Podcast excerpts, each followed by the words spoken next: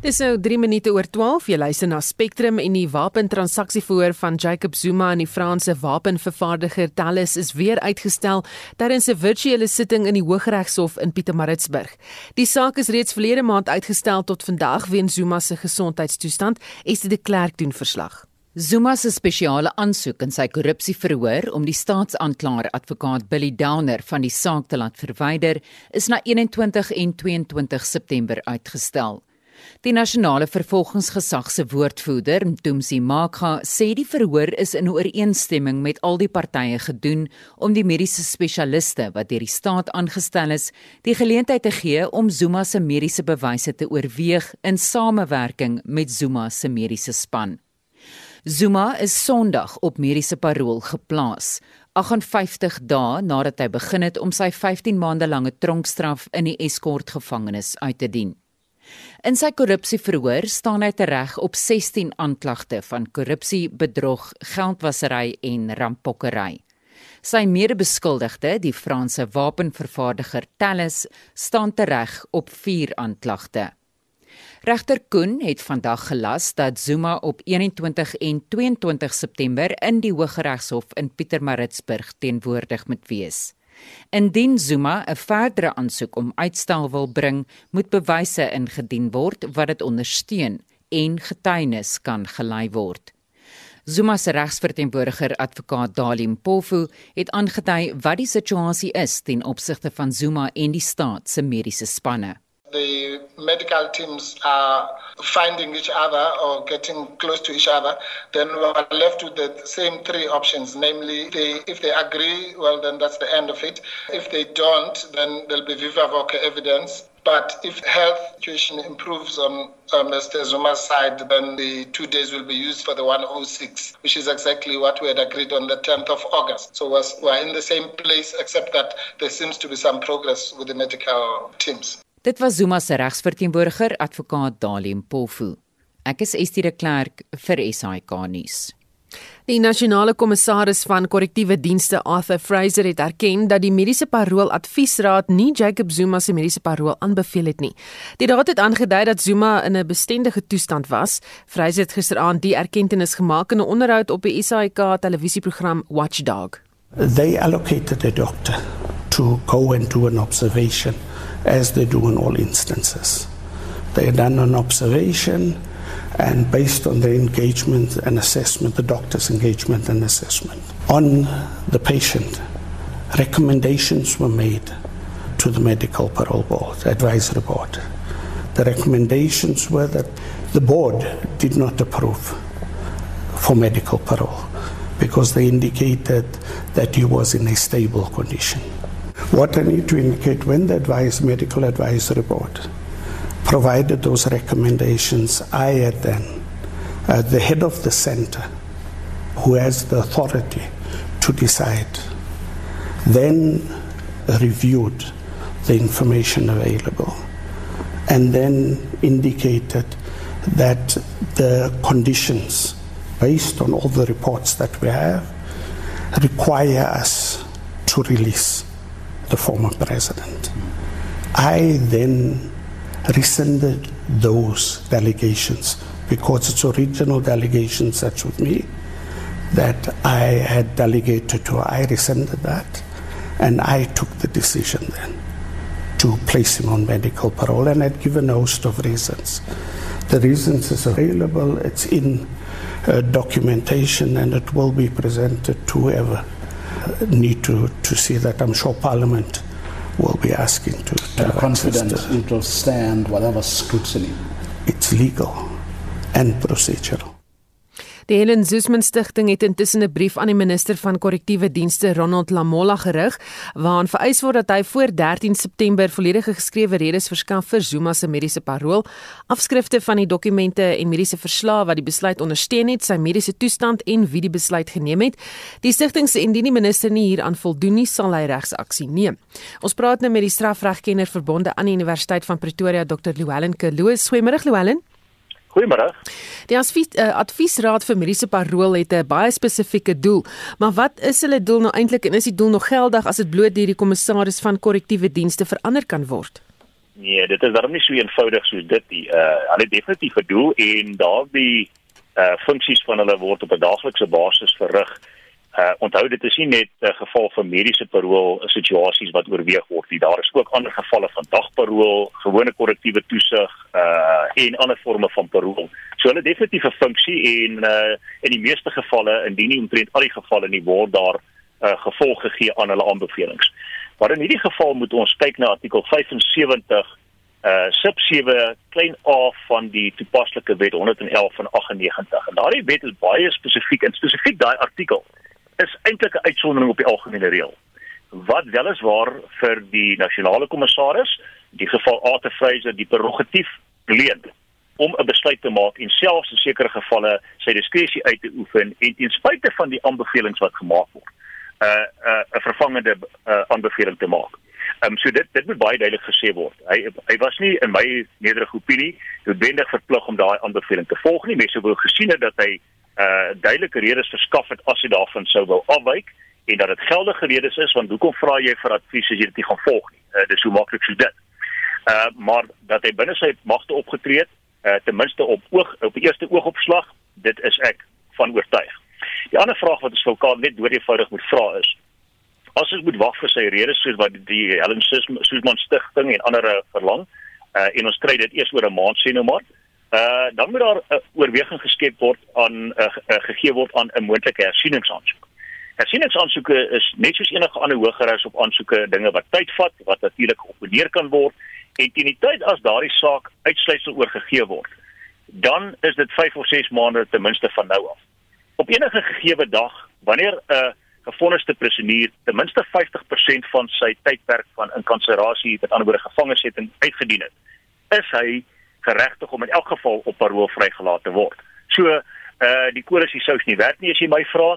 Uh, ek kan nie sien op die beste scenario dat ons uh, gaan sien dat voormalige president Zuma weer terug gaan tronk toe ten minste op hierdie situasie.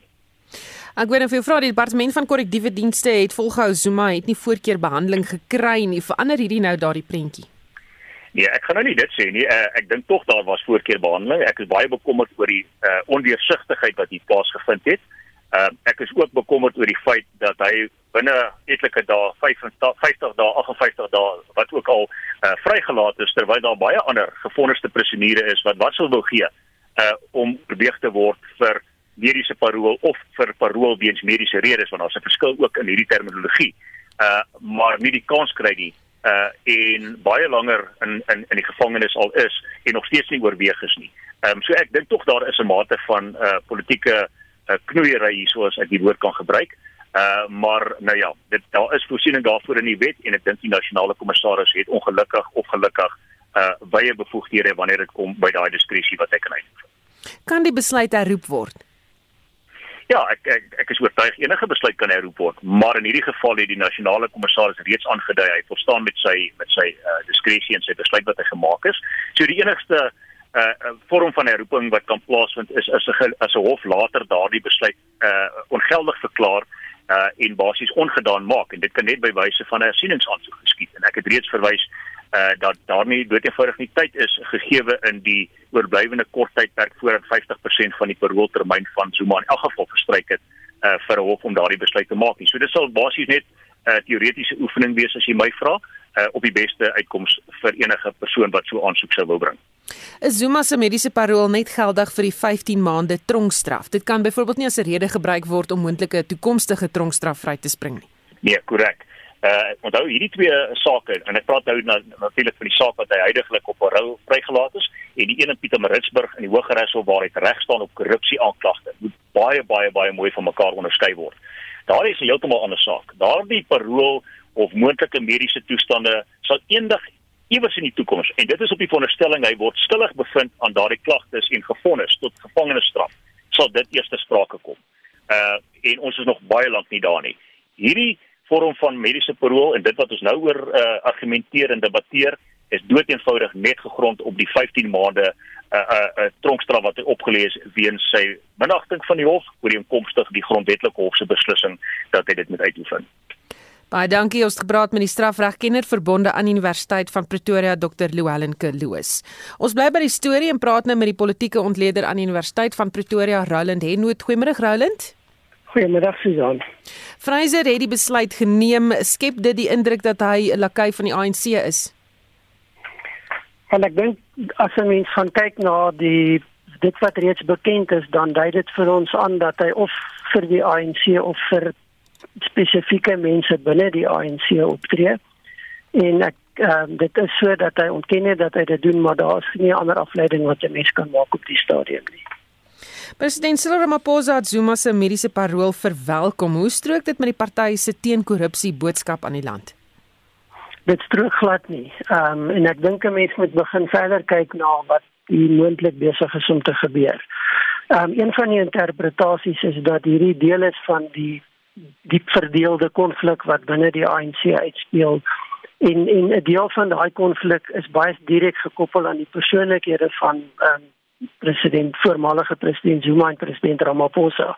En die een die die moontlikheid hier is baie definitief dat die mense wat teen president Ramaphosa is hierdie tipe optrede gebruik om hom onder meer druk te plaas. Hy kan nie nou omdraai en sê hy keer dit af nie want dan neem hy 'n bepaalde standpunt in wat bots met die ondernemings en die proses binne die ANC.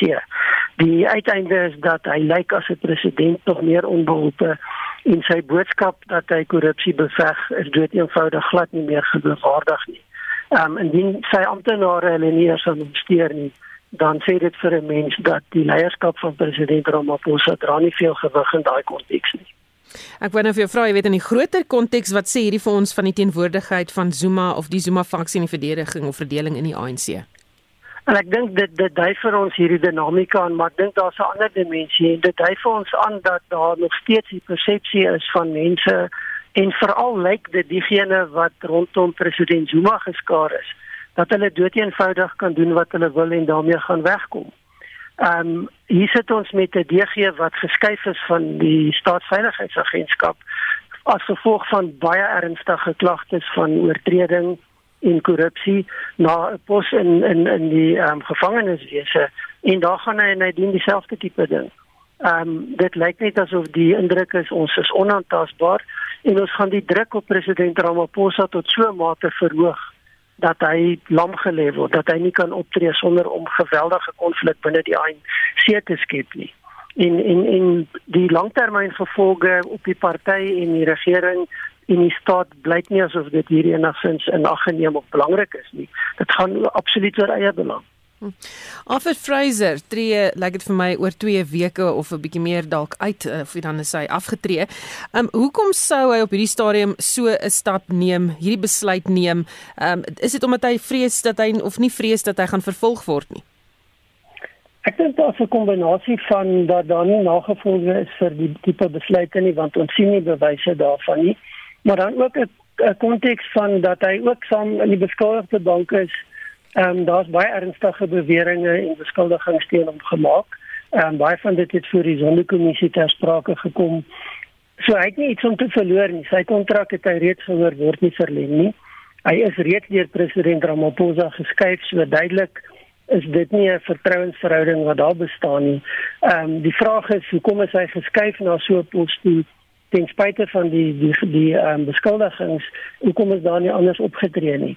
en dan gaan so 'n persoon neem 'n besluit wat hy self sê is my besluit ehm um, ek staan daarby so die die die vrees vir gevolge lyk vir my bestaan glad nie en ek dink die konteks hier is dat ons op 'n politieke vlak speel waar die spanning binne die party gebruik word ongeag die buite die party gevolge daarvan ehm um, dit is waarskynlik 'n manier om te probeer kyk of daar nie maar toegewing kan kom of president Ramaphosa dalk onder soveel druk kom dat hy tot 'n groot mate nie net lam gelê word nie, maar sy hele veldtog teen korrupsie ondermyn word en dit tot 'n groot mate ehm um, eintlik nie meer werklik uh, invloed gaan hê, impak gaan hê nie. Mens wil ook sê, jy weet wat is die verhouding of geskiedkundige verhouding tussen oud-president Jacob Zuma en Arthur Fraser? Ja, belangrik is dat hy is deur president Zuma aangestel ehm um, by die staatsveiligheidsagentskap hy se DG gewees en dan word daar is daar baie ehm um, belangrike en ernstige beweringe gemaak dat hy parallelle intelligensiestrukture geskep het wat direk in die belang van president Zuma opgetree het. En daar's baie um, beweringe dat daardie strukture nog steeds in sy belang optree en nog steeds teen die belange van president Ramaphosa en dan by wyse van spreuke eintlik teen die belange van Suid-Afrika optree. Baie dankie het gepraat met die politieke ontleder aan die Universiteit van Pretoria, Roland Henwood. Die maatskappy Steinhoff International Holdings gaan vandag ten gunste van 'n skikkingsooreenkoms met beleggers stem om toekomstige regstappe teen hom te vermy. Dit tel egter nie in die guns van die maatskappy Tacky Town wat hoop om die maatskappy te likwideer nie. Vir meer hieroor praat ons nou met Omri Thomas, 'n portefeuljebestuurder by Abex of ja, Abex Investments en hulle verteenwoordig ook 'n groep eisers in die skikkingsproses. Goeiemôre Omri. Môre Susan. Wat is die agtergrond van die skikkingsproses? Susan, ja, Steinhoff is nou uh die laaste paar jaar besig uh om uh met al die skuldeisers uh ooreenkomste te probeer bereik en hulle het vroeër hierdie jaar het hulle toe wel daai skikkingsooreenkomste uh ter tafel gelê. Ehm um, Tekitaan het 'n ander proses gevolg waar hulle uh besluit het hulle gaan aansoek doen vir likwidasie om sodoende te probeer om Tekitaan uh terug te kry. Nou die uh skikkingsproses is uh moes oorgestem word beide uh uh oor see en en beide plaaslik. Die uh so daar's drie stelle krediteure groepe wat moes stem oor hierdie skikkingsproses. Ehm uh, die eerste twee stelle is is is oor see gewees en dit het uh, al daai stemming sou eintlik maandag plaasgevind het. Maar uh op die laaste oomblik het Dr. Wise aangedui hy gaan teen hierdie skikkingsproses uh uh stem en Sondag aand is daar 'n uh, 'n noodhofsaak ge, uh, ge, gehou en daai stemming is uitgestel tot Donderdag. Dr. Wise het toe verdere vergunnings gekry in terme van uh, sy leningstermyn uh, wat uitgestel word en 'n uh, 'n uh, 'n uh, uh, nul rentekoers wat hy op haar lening moet betaal en hy het toe aangedui dat hy ook teen gunste uh, van die proses uh, sal stem. So maandag het al twee die oorseese groepe ten gunste van die skikking gestem en vandag is die finale stemming dan ehm um, uh, van uh, Dr Wise se groep af. Hy het reeds aangedui dat hy ten gunste daarvan sal stem, so dit lyk of al die groepe uh, nou dit ondersteun. So wat gebeur dan in die Hooggeregshof in Kaapstad? Ja, so dit is die, dit is daai stemming wat nou hmm. plaasvind. Ehm um, en en dit is dit is ons verwag dat dit uh, gunstig sal wees vir Steinhoff. Hoe voel julle oor die verloop van sake sover? Uh, Susan, ek ek dink die aanvanklike skikking wat staan voorgestel het, het on, was ons gevoel was uh het heeltemal ons eis onderwaardeer. Hulle het seerdien uh, twee keer al die eis verhoog en ons het op daai gronde besluit om die eis te ondersteun. So uh, ek dink uh ons is ten gunste daarvan en ons het ten gunste daarvan gestem en en die lang uh die die aandeelhouers wat so lank uh, uh gelei daaronder gaan daar nou 'n uh, stukkie terugkry van die uh groot verlies wat hulle gemaak het. En uh, hoe gaan dit Tacky Town se doel om Steinhoff te likwideer beïnvloed?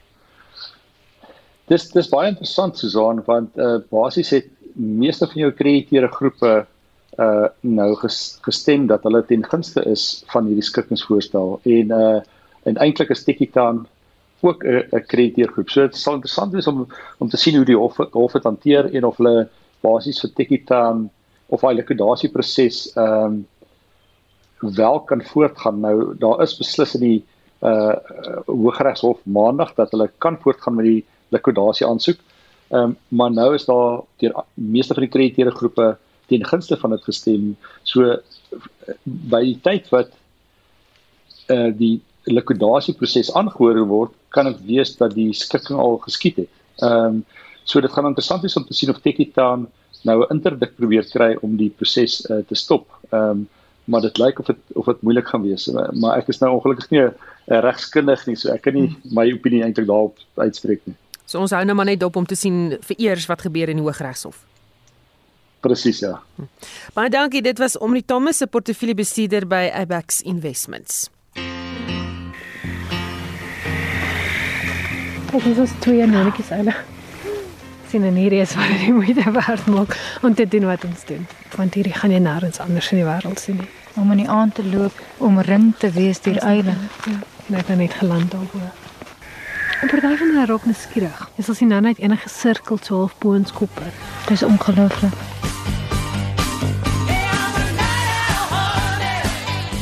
Wanneer 'n uil roep 'n dokumentêr oor die bewaring en beskerming van uile, saamgestel deur Estie Cross, donderdag aand om 8:00.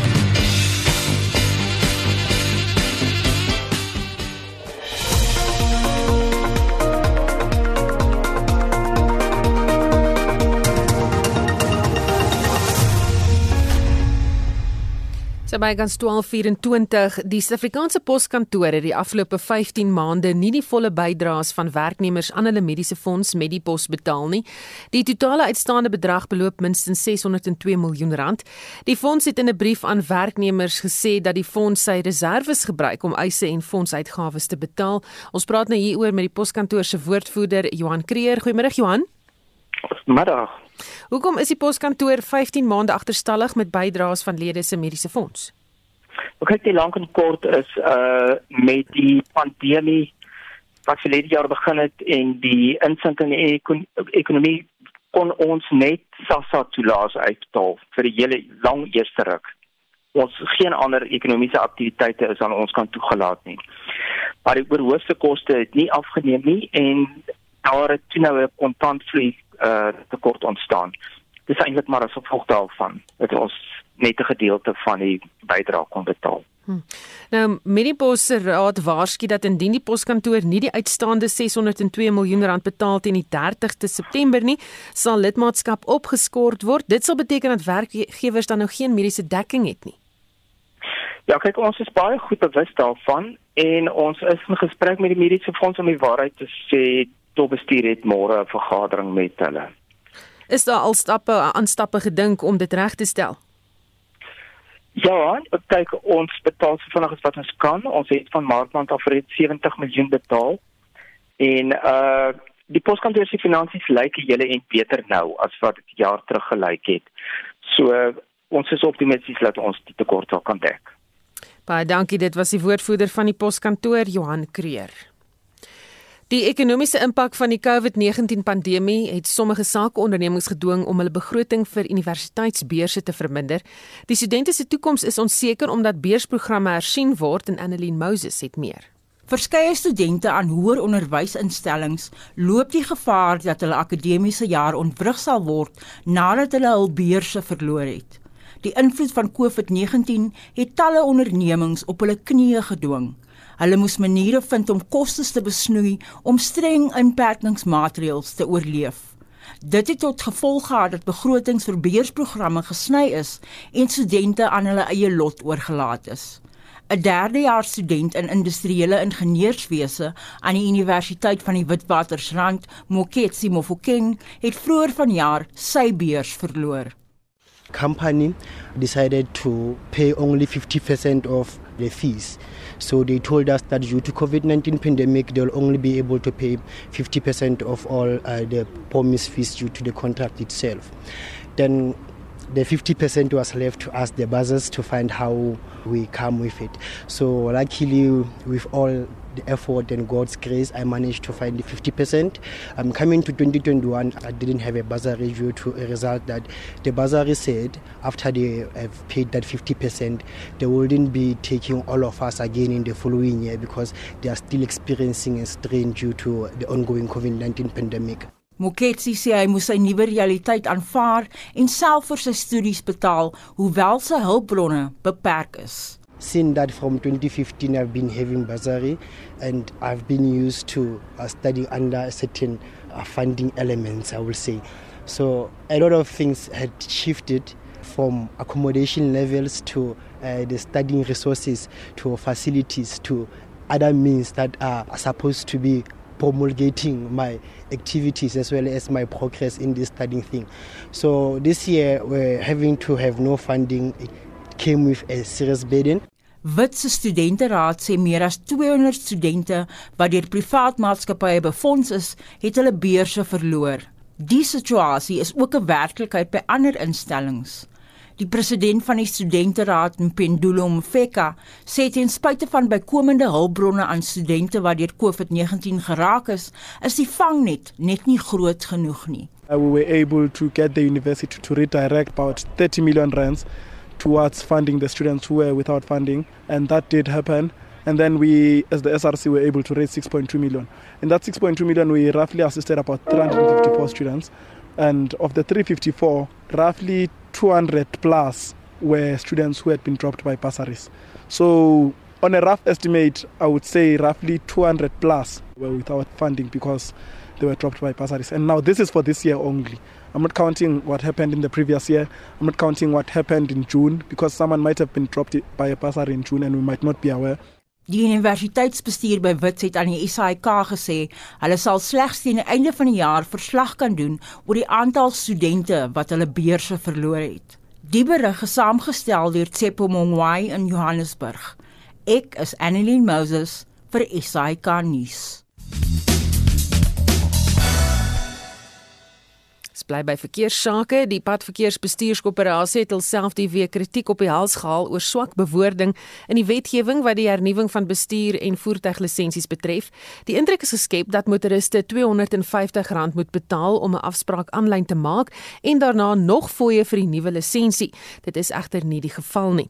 'n Privaat konsultant wat spesialiseer in padverkeer en vervoer wetgewing, Alta Swanepoel, het aan Marlenae Forsie gesê sy vermoed dat die korporasie die inligting wat in die staatskoerant gepubliseer is, gaan terugtrek.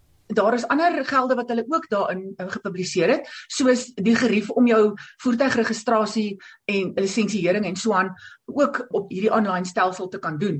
Soos ek verstaan, is die gelde vir die registrasie van daai voertuig ook ingesluit daarin. Van die gelde wat in die staatskoerant gepubliseer is vir kommentaar is so R700. Maar provinsies het 'n fooie van wat wissel. Dis nie almal dieselfde fooie nie ensovoorts. So die gedagte is blykbaar dat hulle moontlik die stel gaan herroep en dan 'n gewysigde stel uitreik. Ek praat nou maar uit my beurtyd. Ek is nie 100% seker of dit so gaan werk nie, maar om spesifiek te sê Dit is 'n gekombineerde fooi wat bestaan uit 'n fooi wat reeds gepubliseer is in terme van padverkeerswetgewing en dan die addisionele transaksiefooi wat eintlik die fooie is wat die RTMC voorverantwoordelik is. Die skade is egter klaar aangerig iets wat eintlik 'n goeie ding was verander dan in 'n slegte ding. En ongelukkig gebeur dit maar baie keer dat die ouens wat die wetgewing hulle so gewoond om daarmee te werk, hulle dink nie daar's enigiemand daar buite wat gaan verward wees oor wat hulle doen nie. Ek het gevind in die ou dae toe ons nog verantwoordelik was om die wetgewing te skryf, ons het altyd 'n memorandum saam met die regulasies vir die wetgewing uitgebring wat vir die mense net mooi in gewone taal verduidelik presies wat gebeur. En as dit nie gebeur nie, dan sit jy nou met 'n ding. Baie mense dink ek sou graag 'n stelsel wou hê waar hulle nie nodig het om in lang rye te staan en goed nie. En dit is dis lyk like my die einddoel van hierdie proses. Nou staan weer 'n negatiewe konnotasie daaraan en ongelukkig veroorsaak dit dan baie keer dat baie van hierdie goed wat eintlik met die beste bedoelings gedoen is, nie noodwendig so deurgevoer word na die publiek nie. Die AA het gister aan Spectrum gesê dat hulle boonop heelwat vrae het oor die verskil in fooie vir dieselfde lisensies of dienste in verskillende provinsies. Tradisioneel oor al die jare padverkeerswetgewing is 'n konkurrente mag wat beteken die nasionale regering en die provinsiale regerings het basies dieselfde magte om wetgewing daar te maak. So ons nasionale padverkeerswet, die RTMC wet, daai tipe wette is eintlik maar 'n ooreenkoms tussen die nasionale provinsiale ouens, maar wat betref lisensiegelde en fooie vir verskillende goed in terme van die wetgewing. Dit was nog altyd uh, deur die provinsies gedoen. Daar's kort kort 'n beweging om te probeer om dit te nasionaliseer dat dit een stelsel is, maar ehm um, jy weet elke provinsie is maar in staat om sy eie fooie te bepaal. En dit is maar een van daai goed wat moeilik is om oor eenstemming te kry om te sê hulle gaan dit nasionaal doen. Ek dink daar's seker al 20 sulke vergaderings gehou in die laaste 20 jaar om dit te probeer doen, maar hulle, hulle kom nooit by 'n punt waar hulle dit eintlik doen. Daar is ook diegene wat glo dat dit net nog 'n manier is vir die regering om motoriste finansiëel uit te byt, veral omdat lisensies elke 5 jaar hernu moet word. Hierdie 5 jaar kaarte kom al van 1992 af en meeste lande in die wêreld het 'n proses waar die, die bewys van jou bestuurderslisensie iewers langs die pad verval want die owerhede wil jou graag sien. Iewers langs die pad wil hulle sien is jy nog in staat om te bestuur? Kan jy nog sien? Het jy nie intussen tyd 'n arm of been verloor nie? Is jy nog in staat om te bestuur? En een van die redes waarom daar so 'n stelsel is is gewoonlik om hierdie proses aan te help. Daar's ook nuwe tegnologie So elke keer as daar nuwe tegnologie is, dan vervang hulle die kaarte met iets nuwers wat dalk makliker of moeiliker is om te vervals. Ons bestaande kaart het maar 'n paar probleme en die prosesse is wêreldwyd word dit eintlik maar so gedoen. Suid-Afrika se is kort daar was op 'n stadium 'n voorstel om dit 10 jaar geldig te maak. Dit is nooit geïmplementeer nie en op hierdie stadium sover ek weet is die stelsel steeds op 'n 5 jaar basis. Swanepoel meen die aanlyn besprekingsproses moet so toeganklik en goedkoop as moontlik wees.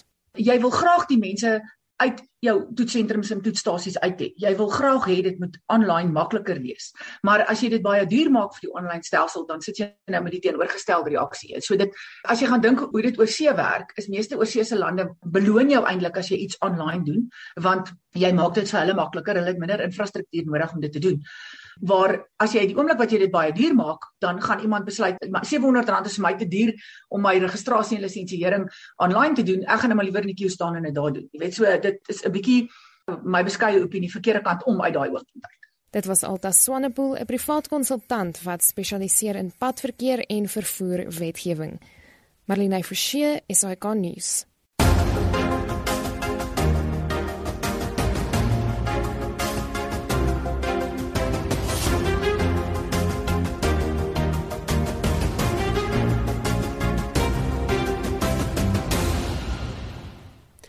Die verkiesingskommissie het die DA se poging om die heropening van politieke partye se kandidaatbenoemingslyste te stop veroordeel. Die OFK sê die aansoek is voortydig en is 'n poging om die howe te mekaar af te speel.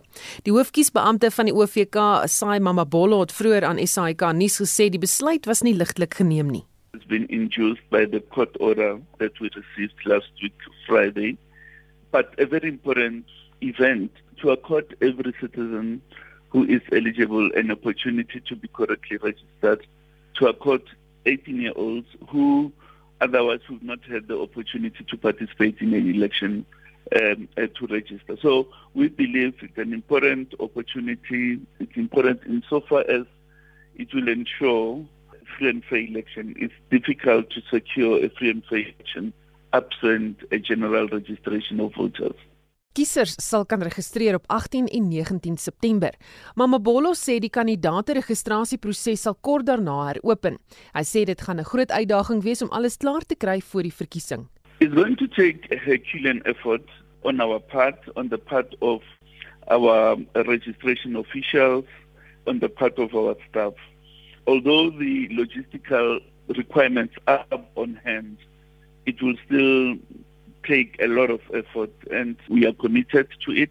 We want to make it happen and we'll spend no effort to ensure that next week, 18th and 19th, all stations are open and everybody is serviced accordingly. Mama Bolo sê hy is oortuig van dat dit die regte besluit is om die proses om die kandidaate te registreer weer oop te stel.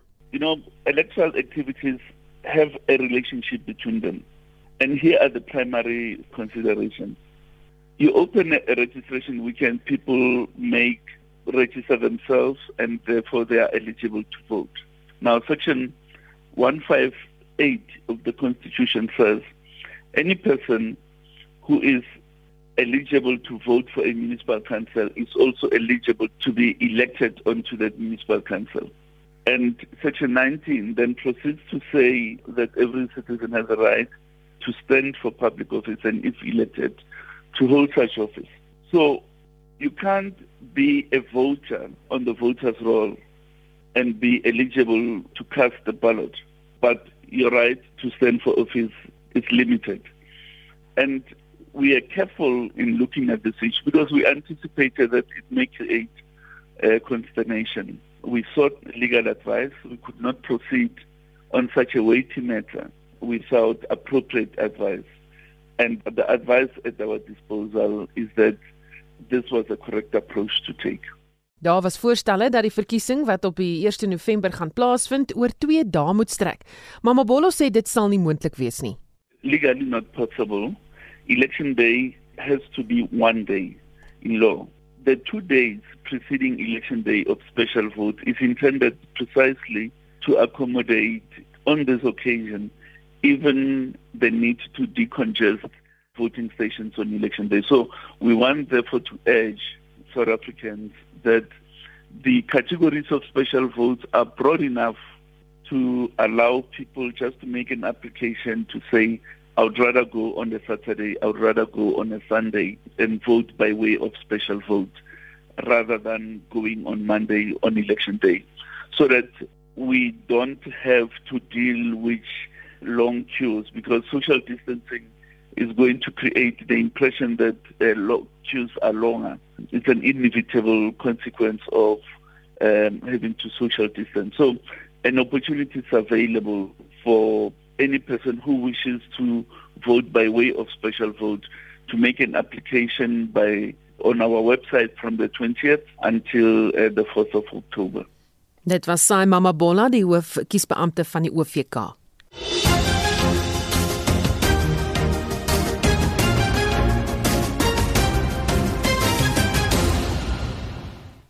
Medisyne moet addisionele voorsorgmaatreëls tref om te verseker dat hulle nie COVID-19 opdoen terwyl hulle werk nie.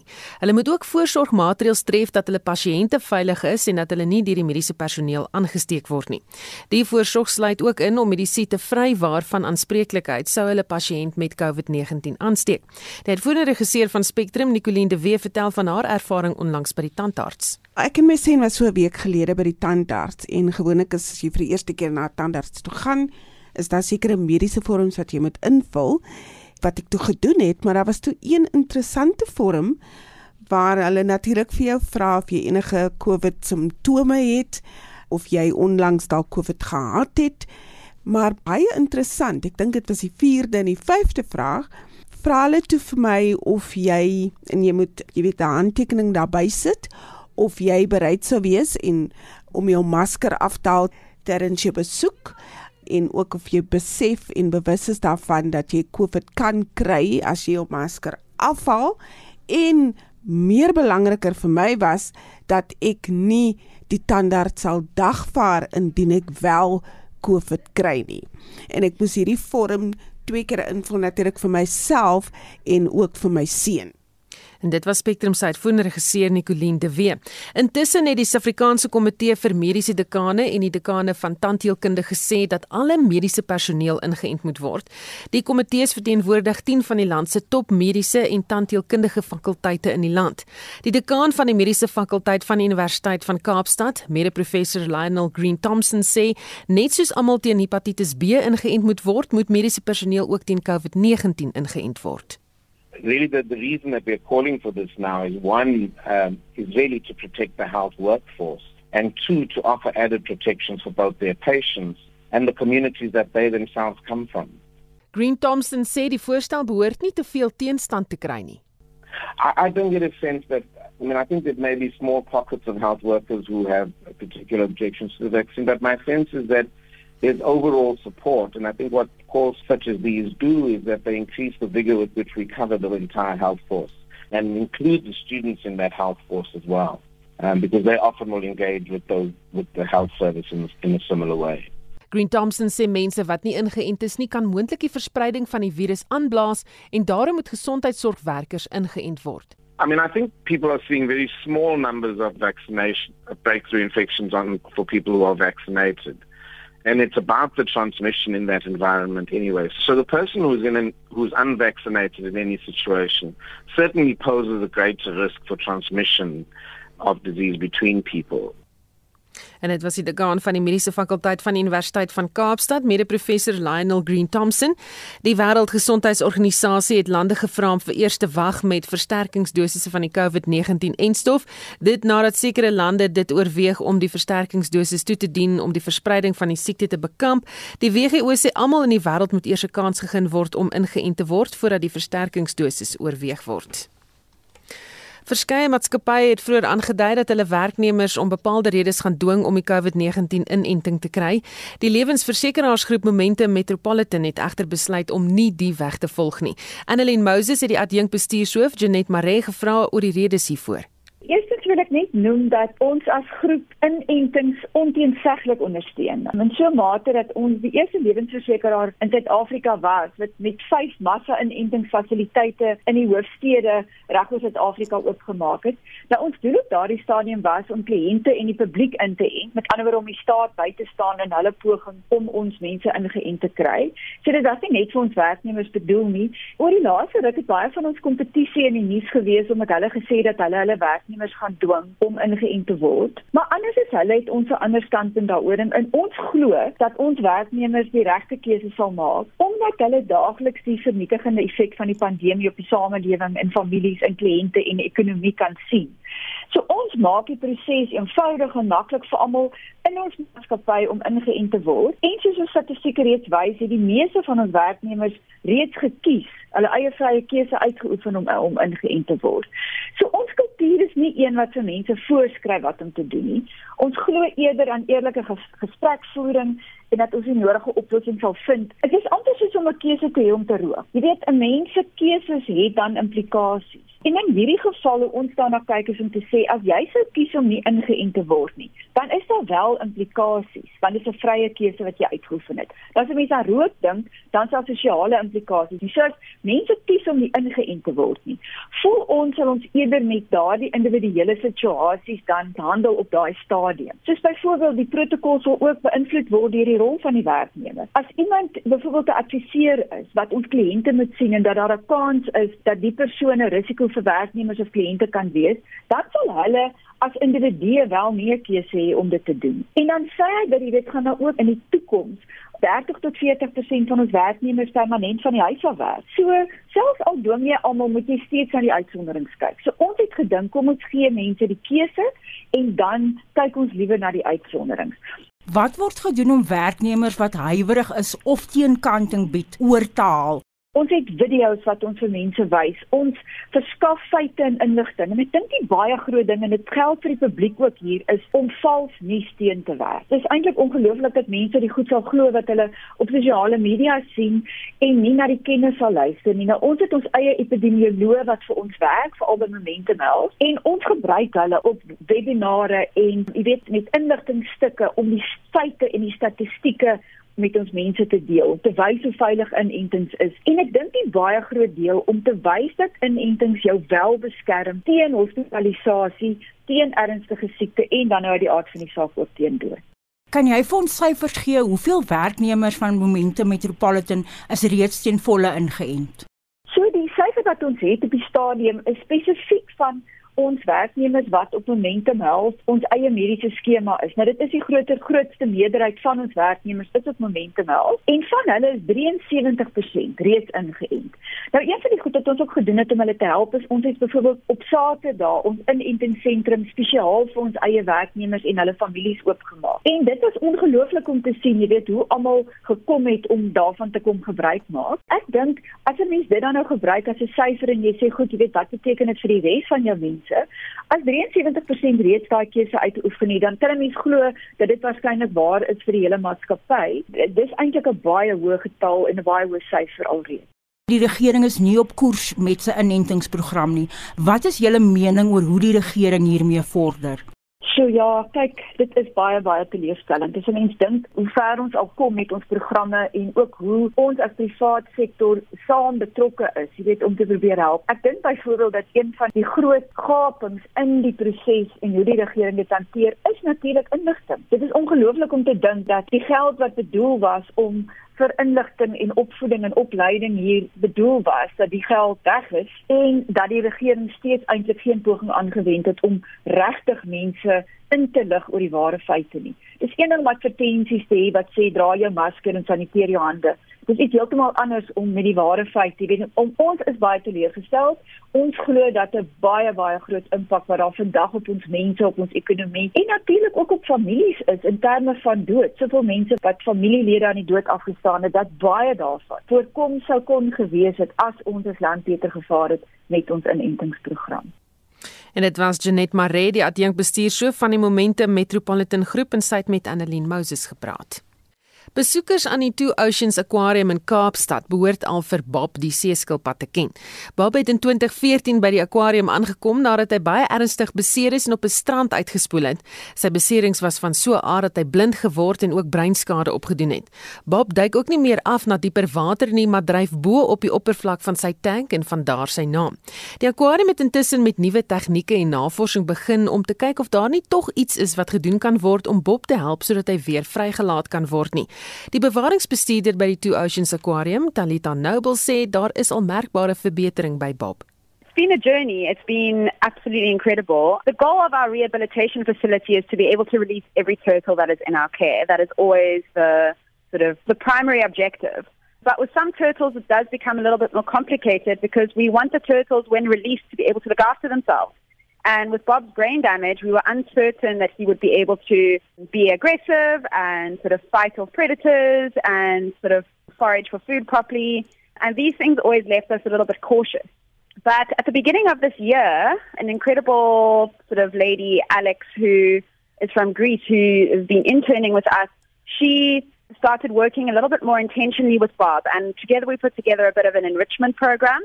So basically, Bob gets occupational therapy three times a week. Um, and on each of those days, he gets a combination of physical exercise, nutritional, sensory, tactile, all sorts of different enrichments.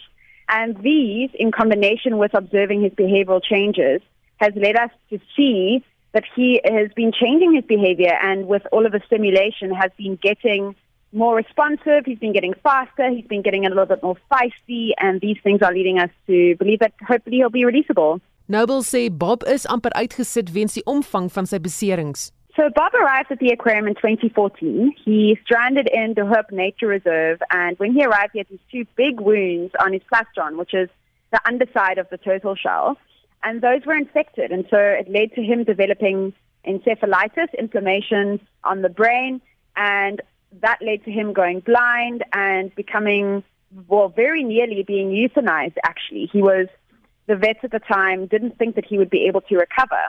But then Bob proved us all, he proved us all um, wrong, and he started to heal. His eyesight started to come back, and with the help of a lot of medication and care, he started to really recover. But we were always a little bit uncertain as to the extent of his brain damage. So last year we were able to take him for a C, not last year, 2019, for a CT scan and an MRI, and these showed that he has midbrain damage. And so the midbrain damage has meant that he struggles to interpret what he sees. So everything's a little bit slower for Bob. So we've started to really help speed up those pathways and help him adapt. Noble sê die behandeling wat Bob ontvang is baanbrekerswerk in die veld.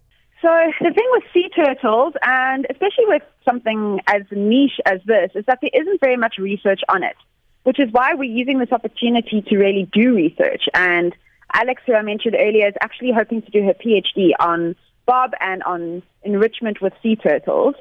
But there really isn't very much there. So what it requires is a lot of adapting principles with other animals and also principles with general sort of rehabilitative care and adapting those to sea turtles and then seeing how, how Bob responds.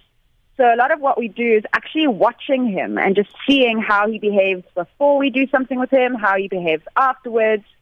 Um, we are doing regular neurological tests and there'll be blood tests as well as more MRIs to sort of back up the work that we're doing. But a lot of it is just seeing how he responds and, and watching him. En dit was Talita Noble, bewaringsbestuurder by die Two Oceans Aquarium in Kaapstad. Dit is 'n interessante nuus. Afrikaanse Wikipedia het van dese week 'n besonderse mylpaal bereik deur die 100 000 kerve by te steek wat sy aantal aanlyn artikels betref. Afrikaans is die grootste Afrika taal op die platform en die skrywers hoop om veral Suid-Afrika se unieke eienskappe hier tentoon te stel. En ons het môreoggend in Monitor meer inligting oor hierdie storie. So moenie dit misloop tussen 6 en 8 nie. Marlene, is jy daar? Ek is hier so Suzan en ons begin by wapentransaksie verhoor van Jacob Zuma en die Franse wapenvervaardiger Thales wat weer uitgestel is in die Hooggeregshof in Pietermaritzburg. Weens Zuma se gesondheidstoestand, die Helen Stichting het intussen 'n brief aan die minister van Justisie en Korrektiewe Dienste, Ronald Lamola gerig waarna hy eis dat daar voor 13 September volledige geskrewe redes gegee word oor Zuma se mediese parol. En die strafregkenner aan die Universiteit van Pretoria, Dr. Johan Kerloos, het sy mening hieroor gedeel. As ons moet wag vir sy redes soos wat die Helen Suzman stigting en ander verlang en ons kry dit eers oor 'n maand sien nou maar, dan moet daar 'n oorweging geskep word aan uh, gegee word aan 'n moontlike hersieningsaansoek. En teen die tyd as daardie saak uitsluitsel oorgegee word, dan is dit 5 of 6 maande ten minste van nou af. Enige gegeewe dag wanneer 'n uh, gevonniste prisoner ten minste 50% van sy tydperk van inkarserasie, met ander woorde gevangenesetting uitgedien het, is hy geregtig om in elk geval op parol vrygelaat te word. So die kodes die sous nie werk nie as jy my vra. Ek kan nie sien op die beste scenario dat ons gaan sien dat voormalige president Zuma weer terug gaan tronk toe ten minste op hierdie situasie. Ons het ook by die politieke ontleder aan die Universiteit van Pretoria, Ralph Menwood, gehoor of hy dink Arthur Fraser wat Zuma se mediese parol goedgekeur het, 'n lakai van die ANC is. As mens gaan kyk na die dit wat reeds bekend is, dan dui dit vir ons aan dat hy of vir die ANC of vir spesifieke mense binne die ANC optree. En ek um, dit is so dat hy ontken het dat hy dit doen, maar daar is nie ander afleiding wat 'n mens kan maak op die stadium nie. En die skikkingsooreenkoms is in sig verstaan ons maar een van die krediteure Pakistan skop steeds die hulle wil voortgaan met die liquidasie proses en portefeulje bestuurder het ons sy mening dan gedeel. Ons het ook verneem dat die president van die Suid-Afrikaanse sokkervereniging Danny Jordan gratis kaartjies beloof aan Bafana Bafana ondersteuners indien hulle ingeënt is. Dit was Marlenae met daardie oorsig van die nuus. daarmee groet die Spectrum span. My naam is Susan Paxton.